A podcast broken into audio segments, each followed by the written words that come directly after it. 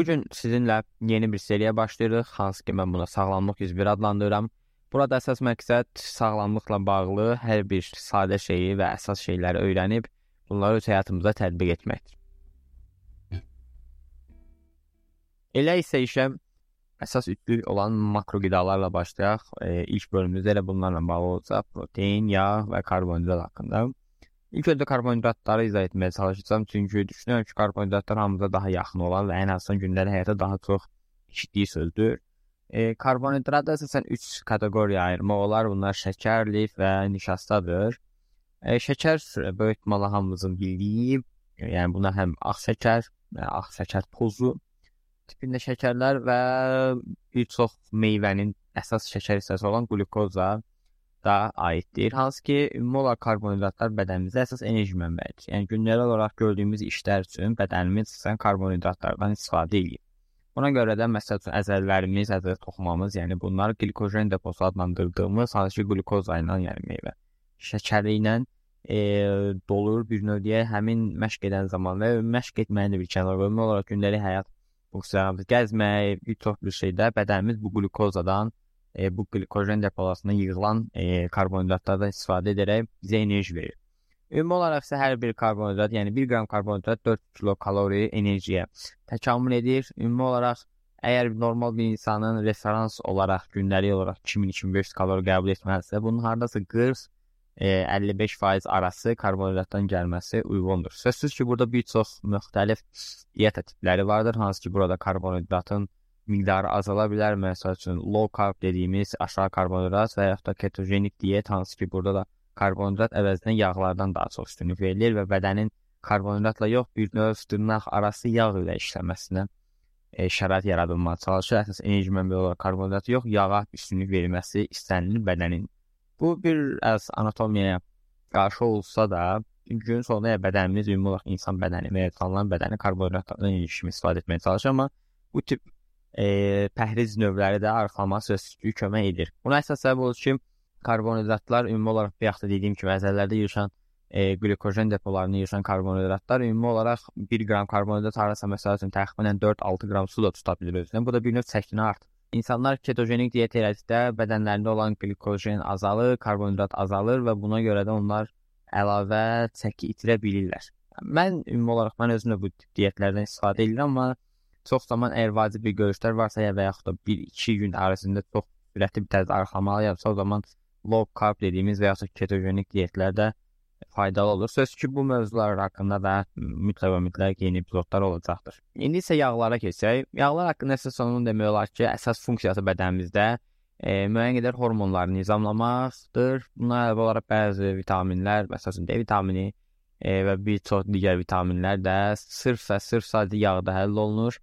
E, çünki vitaminlər ümumi olaraq iki hissəyə bölünür. Yağda əldə olunanlar və suda əldə olunan. Yağda əldə olunan vitaminlər üçün isə məlum məsələ ki, yağa ehtiyac var. Hansı ki, bu tip vitaminlər çox vaxt bədəndə e, depolana bilir və yaxud da yəni bədən həmin vitaminlər, məsələn, vitamin D-ni özündə saxlayır və ehtiyac olduğundan istifadə edir. Amma məsəl üçün vitamin C suda həll olunan vitamindir və bu ümumi olaraq gün ərzində bədənimizdən qəbul olunur, sorula bilən hissəsi sorulur, sorulamayansa dərhal atılır su vasitəsilə, su ilə birlikdə qarışdığı üçün. Yağ seçimində isə əsasən biz E, bunu böyük ehtimalla hər kəs bilir, ən azından eşidib. Margarin və trans yağlardan mütləq və mütləq uzaq durmalıyıq. Çünki bu yağlar tamamilə kimyəvidir və bizə sadəcə və sadəcə mənfi təsiri olacaqdır. E, yağlar e, ümumi olaraq hormonlarımıza və həftə dediyim kimi vitaminlərin əmilməsində, sorulmasında çox vacib rol oynadığı üçün e, ümumi olaraq bədənimizə keyfiyyətli və düzgün yağlar e, verməliyik. Bunlar əsasən ola bilər bu əsas mənbələr E, zeytun yağları ola bilər, kokos yağları, yağlı balıqlar, avokado, e, yumurta, pendir kimi qidalardan e, istifadə etmək, gündəlik rasionumuzda bu qidaları əlavə etmək bizim üçün çox faydalı olacaqdır. İndi isə sonuncusuna keçək, bu isə proteindir. Protein və yaxud da zülal, yəni hər hansı tərzdə bilirsinizsə, protein bədən üçün demək olar ki, ən əsas makro qidadır. Çünki protein bədənimizdə əsasən əzələlərimizin bir növ quruluşunda əsas qida maddəsidir. Həyat tərzimizə asılı olaraq söz ki, gündəlik protein ehtiyacımız e, dəyişir. E, müəyyən qədər belə desək, sadə dillə, əgər nə qədər aktivsinizsə həyatda, o qədər də daha çox protein ehtiyacınız var. Çünki günün sonunda aktiv həyat tərzi sürəndə əzələlərimizin də üzərinə daha çox yük düşür. Bir növdə əzələlərimiz də proteindən əmələ gəldiyi üçün Sözsüz ki, burada su və digər qidalar da var. Sadəcə olaraq yəni əsas hissəsi bir növ proteindir əmələ gəlməsində. Buna görə proteinə də olan tələb və ehtiyac artır. Gündəlik olaraq e, yenə də e, biyaşki məntiqlə karbonhidratda olan məntiqə getsə 2000-2500 kalori arasında qidalanan biri üçün 20-30%lıq yəni bu kalorinin 20-30 faizin proteindən gəlməsi çox zaman ideal olacaqdır. Və yaxud da başqa cür ümumi olaraq ədələ kütlənizi 1.6, 2.2-yə vuraraq e, gündəlik neçə qram e, protein qəbul etməli olduğunuzda bilə bilərsiniz.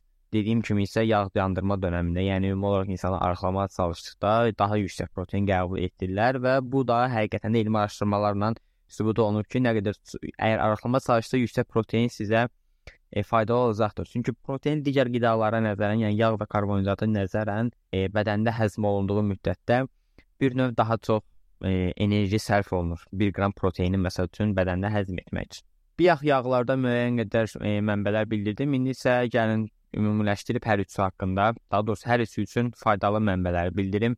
Yəni karbonhidrat, yağ və protein qəbul etmək üçün hansı qidaları tutmamız daha yaxşı olardı.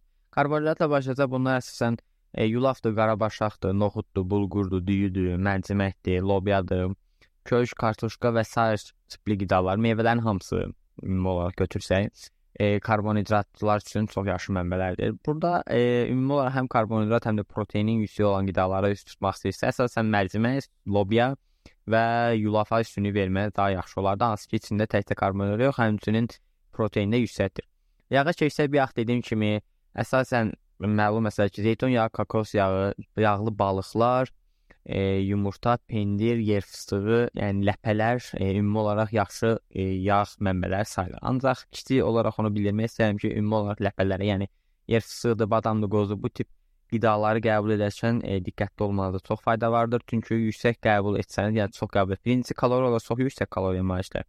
Ümumi olaraq gün ərzində bir ovuzdan daha çox qəbul etməməniz yaxşıdır. Çünki E, bir çox araşdırmada bu tip qidaların üzlərdə, üzdə və ya bədəndə sızlanaqların yaranmasına şərait yaradıldığı, yaratdığı bildirilir. Bundan başqa protein mənbələri isə hər kəs hamımız bilirik, böyük ehtimalla yəni bunlar isə yumurtadır, hansı ki tam protein sayılır. Yəni yumurta e, ümumi olaraq bədənimizin amino asid cəhətdən ehtiyac olduğu bütün proteinlə e, sahibdir deyək, belə deyək. Bundan başqa qırmızı ət, balıq əti, toyuq əti, əsasən yəni idmançılar arasında bunda sinə Hə, toyuğun sinə hissəsini deyə bilərik, hansı ki, tamamilə proteindən ibarət. Tamamilə protein demək, yəni ümumi olaraq yağ çox aşağı, yağ karbonhidrat demək olar ki, yoxdur və sadəcə proteindən ibarətdir. Yəni digər hissələri toyuğun müəyyən qədər yağ faizi bircə damcı da olsa daha yüksək olur. Yəni ümumi olaraq arıqlamaq dövründə olan bir insan nələr tutsa, burada həmin insanlar maksimum dərəcədə yüksək protein alıb, minimum dərəcədə yağ alma, yağ qəbul etməyə çalışırlar.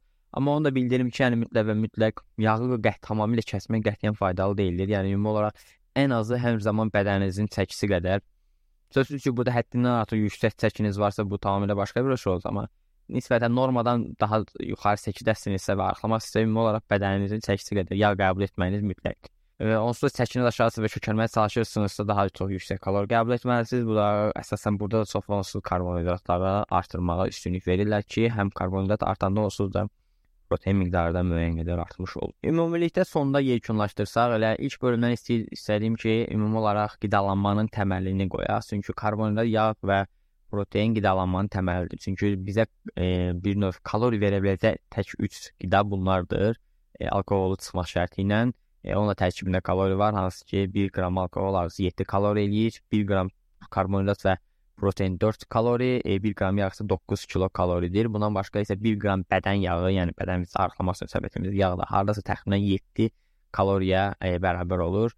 Bəs siz necə ümumi olaraq gündəlik qidalanmanızda karbonhidrat, protein və yağ qəbulunuza fikir verirsiniz və ümumi olaraq kalori hesablayırsınız, yəni sayırsınız. Mən məsəl üçün yəni ümumi olaraq çəkimə nəzarət etmək üçün və idmandan aldığım performansı maksimum çatdırmaq üçün gündəlik olaraq mütləq mütləq kalori qəbuluma fikir verirəm. Yəni bunun üçün bir çox proqram var mən özü istifadə etdiyim Fat Secret proqramıdır. Bundan sonra MyFitnessPal deyə də bir proqram olmalıdır. Hansı ki, sizdə burada gündəlik olaraq yediyiniz qidaları daxil etdi. O da sizə aldığınız makro qidaları və ümumi olaraq kalorini bildirir. Ümumi olaraq çəkinizdə nəzarət etmək istəyirsinizsə, yəni arıqlamaq da ola bilər, məqsədiniz kökəlmək də ola bilər, fərq etmir.